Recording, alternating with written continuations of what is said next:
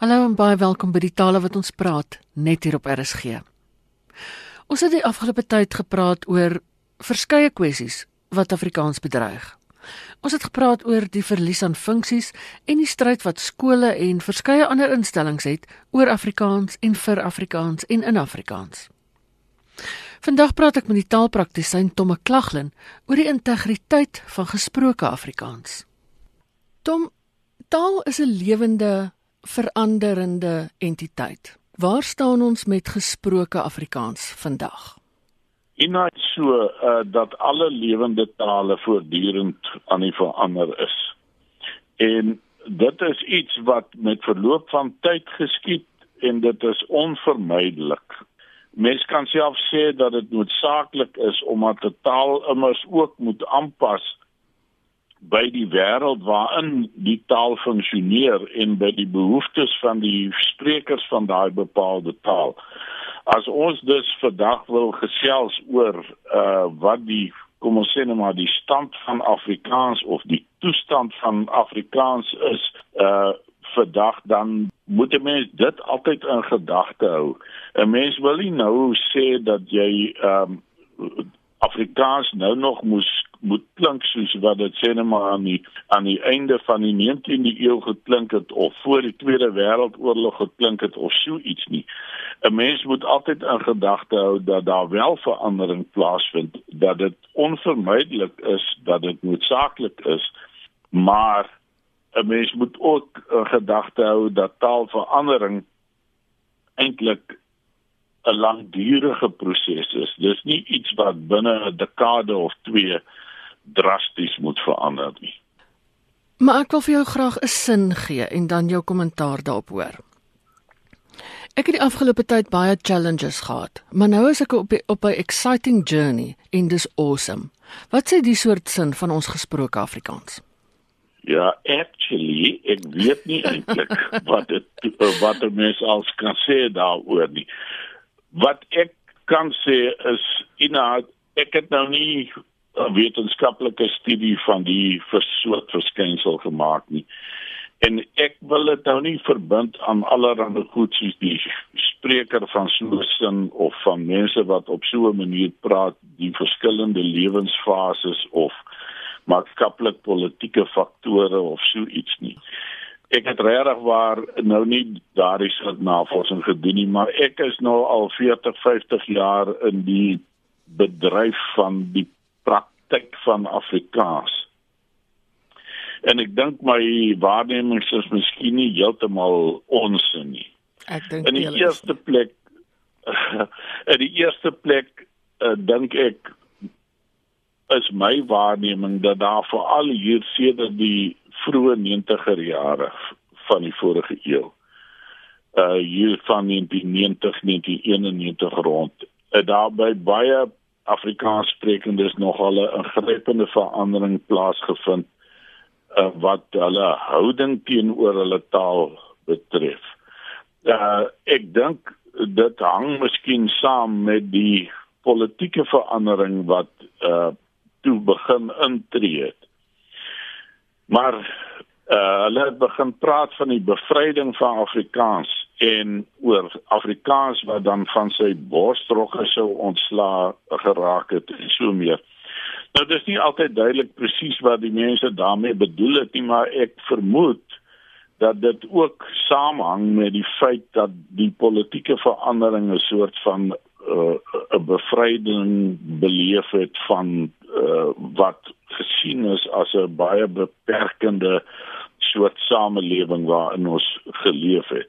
Jy weet jy onthou nog goed soos die die voelvry toer uh, van sekere musikante en van baie van die soort musiek wat toe na vore gekom het soos die van Koos Kombuis en Johannes Kerkorrel en Bernardus niemand en allerlei sulke mense waar daar 'n duidelike teken van opstand en rebelsheid was 'n opstand soort van teenoor die gevestigde politieke bestel en selfs die maatskaplike bestel en so aan. So vir al die jonger mense het toe begin om 'n so gebruik wat waarin hulle nie eintlik omgegee het wat hulle sê nie en veral ook nie hoe hulle dit sê nie.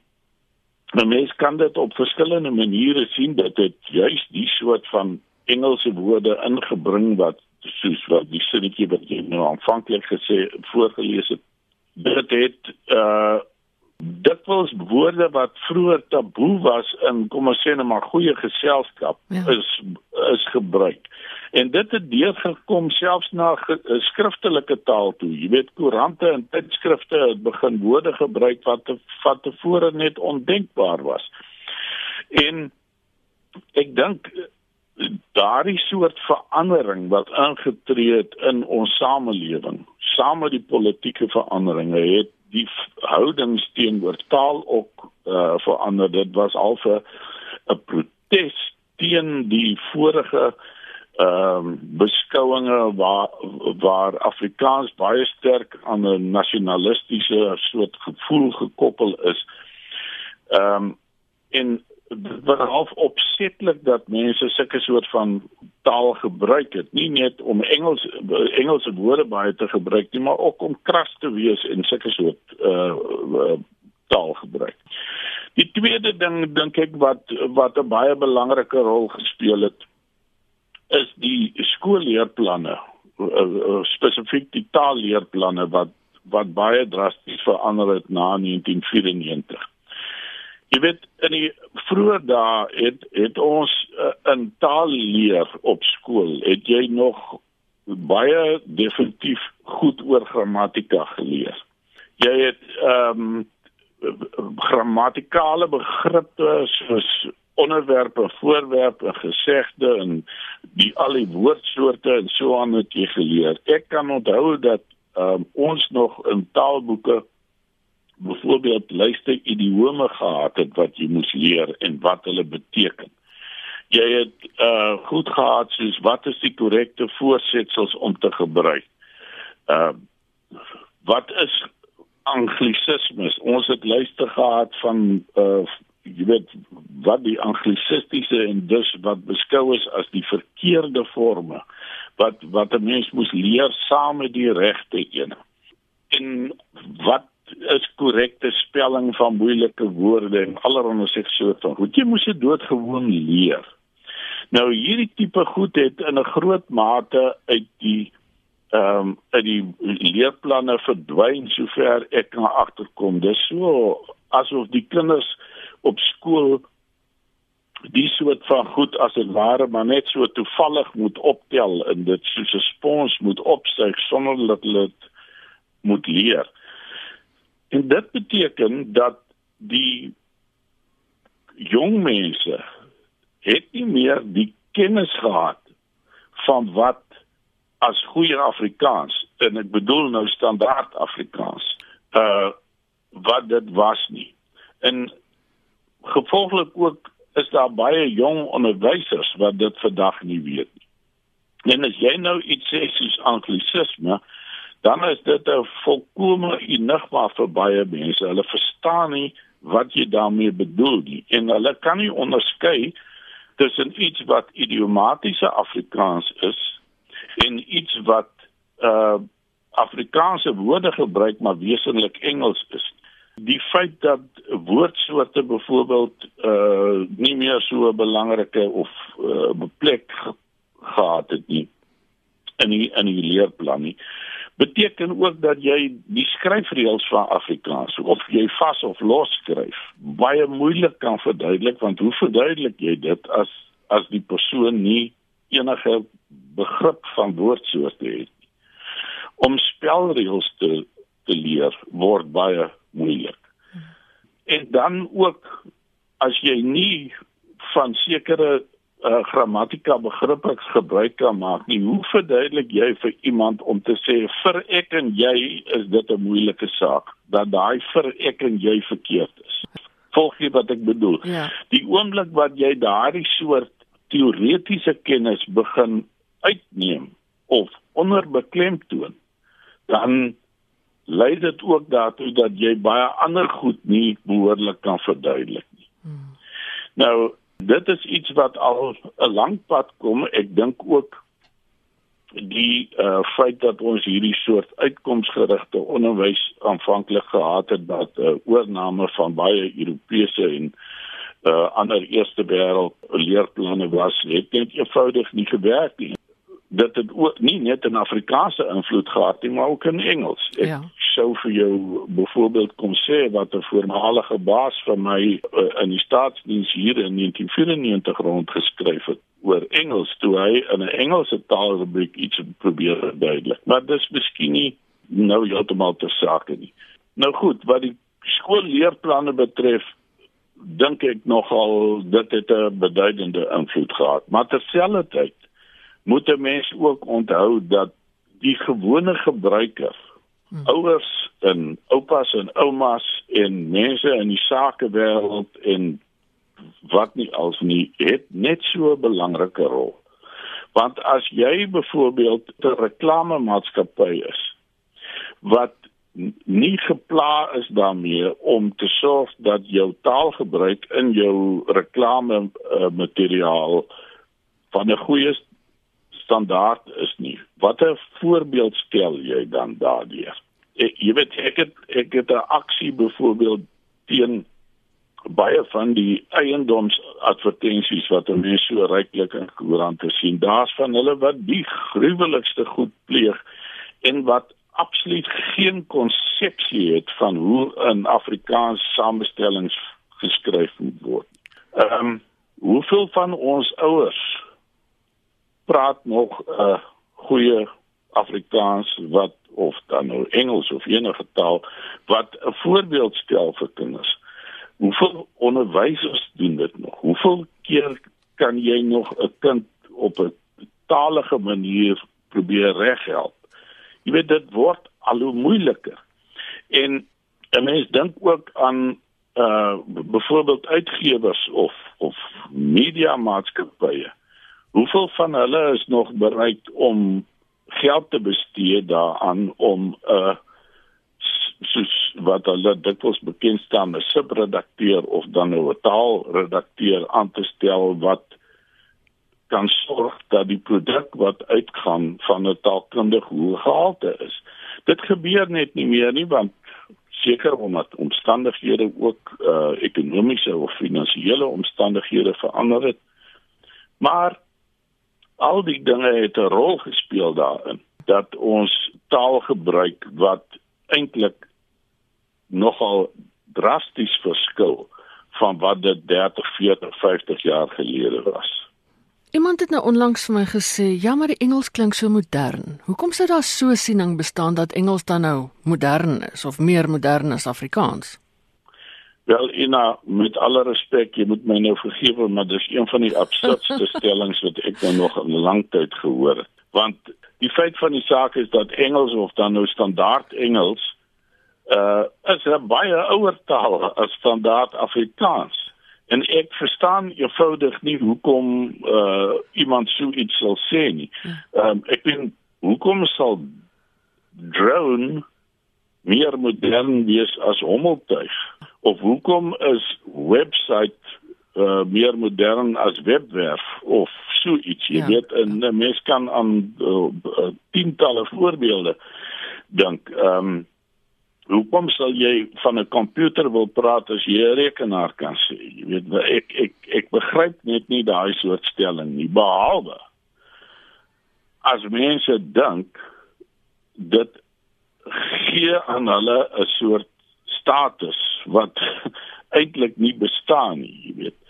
Ehm um, ek dink mense dink miskien jy weet ons het net nou gepraat oor 'n soort van opstand of rebellie teenoor 'n vorige bedeling. Dalk dink hulle dit is soos die moderne millennium mens lewe. Ek ek weet nie maar vir my laat dit altyd dink aan die spreekwoord al dra op 'n gewering hy bly tog maar 'n lelike ding. Ehm um, ek kan nie sien hoekom die vermenging van 'n taal deur byvoorbeeld allerlei Engelse woorde te gebruik en as jy Afrikaans praat uh jou meer modern sal maak as om eenvoudig goeie Afrikaans te gebruik.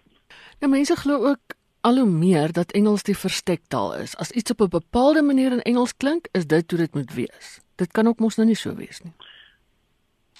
Nee, ek ek dink dit is nie 'n mens moet en natuurlik sê dat uh in vandag se Suid-Afrika in elk geval ehm um, in miskien in groot dele van die wêreld is Engels eenvoudig die die grootste of die belangrikste lingua franca en 'n mens uh, kan nie daarvan wegkom nie dit is 'n uiters uh, nuttige kommunikasietaal en uh, veral in Suid-Afrika waar ons al 11 amptelike tale het en dit sluit nie eers al die ander tale in wat nie amptelike status het. Uh is dit nogal nuttig om 'n taal te hê uh, waarmee jy uh, redelik wyd kan kommunikeer. Maar uh, dit beteken nie dat jy jou eie moedertaal moet afskeep nie of hoef af te skeep. Ehm um, en ek dink die mense besef altyd watter indruk swak taalgebruik op die leser of die hoorder maak nie of dit nou geregverdig is of nie maar dit het eenvoudig 'n uh, invloed en iemand wat byvoorbeeld nie sy taal behoorlik gebruik nie moet eenvoudig weet dat dit 'n swak indruk wek by die hoorder. Uh soos ek sê of dit nou geregverdig is of nie of of dit korrek is of nie, dit is eenvoudig wat my betref 'n feit. Ek waag my nou miskien uh op 'n terrein waarvoor ek nie uh, uh spesifieke navorsing gedoen het nie, maar ek dink byvoorbeeld Engels het sy status as uh wêreldtaal in 'n groot mate te danke aan die enorme koloniale ryk wat die wat Groot-Brittanje in 'n stadium gehad het eh, oor die hele aardbol versprei. Jy weet ehm um, dat daar destyds die uitdrukking was the sun never sets on the British Empire. Ja. En dit was uh, dalk letterlik waar omdat hy so oor die aardbol versprei was. So ek dink nie dit gaan oor die moontlikheid dat Engels iets beter sê as 'n ander taal nie. Dit is eenvoudig 'n nuttige gebruiksmiddel. Natuurlik gaan daar goed wees waar jy miskien dit in Engels makliker kan uitdruk as in Afrikaans of Duits of Chinese. Maar terselfdertyd gaan daar weer goed in Duits of Afrikaans of Chinees wees wat jy beter kan sê in daai betrokke taal as in Engels. So dit 'n mens kan nooit sê een taal sê alles altyd beter as 'n ander taal.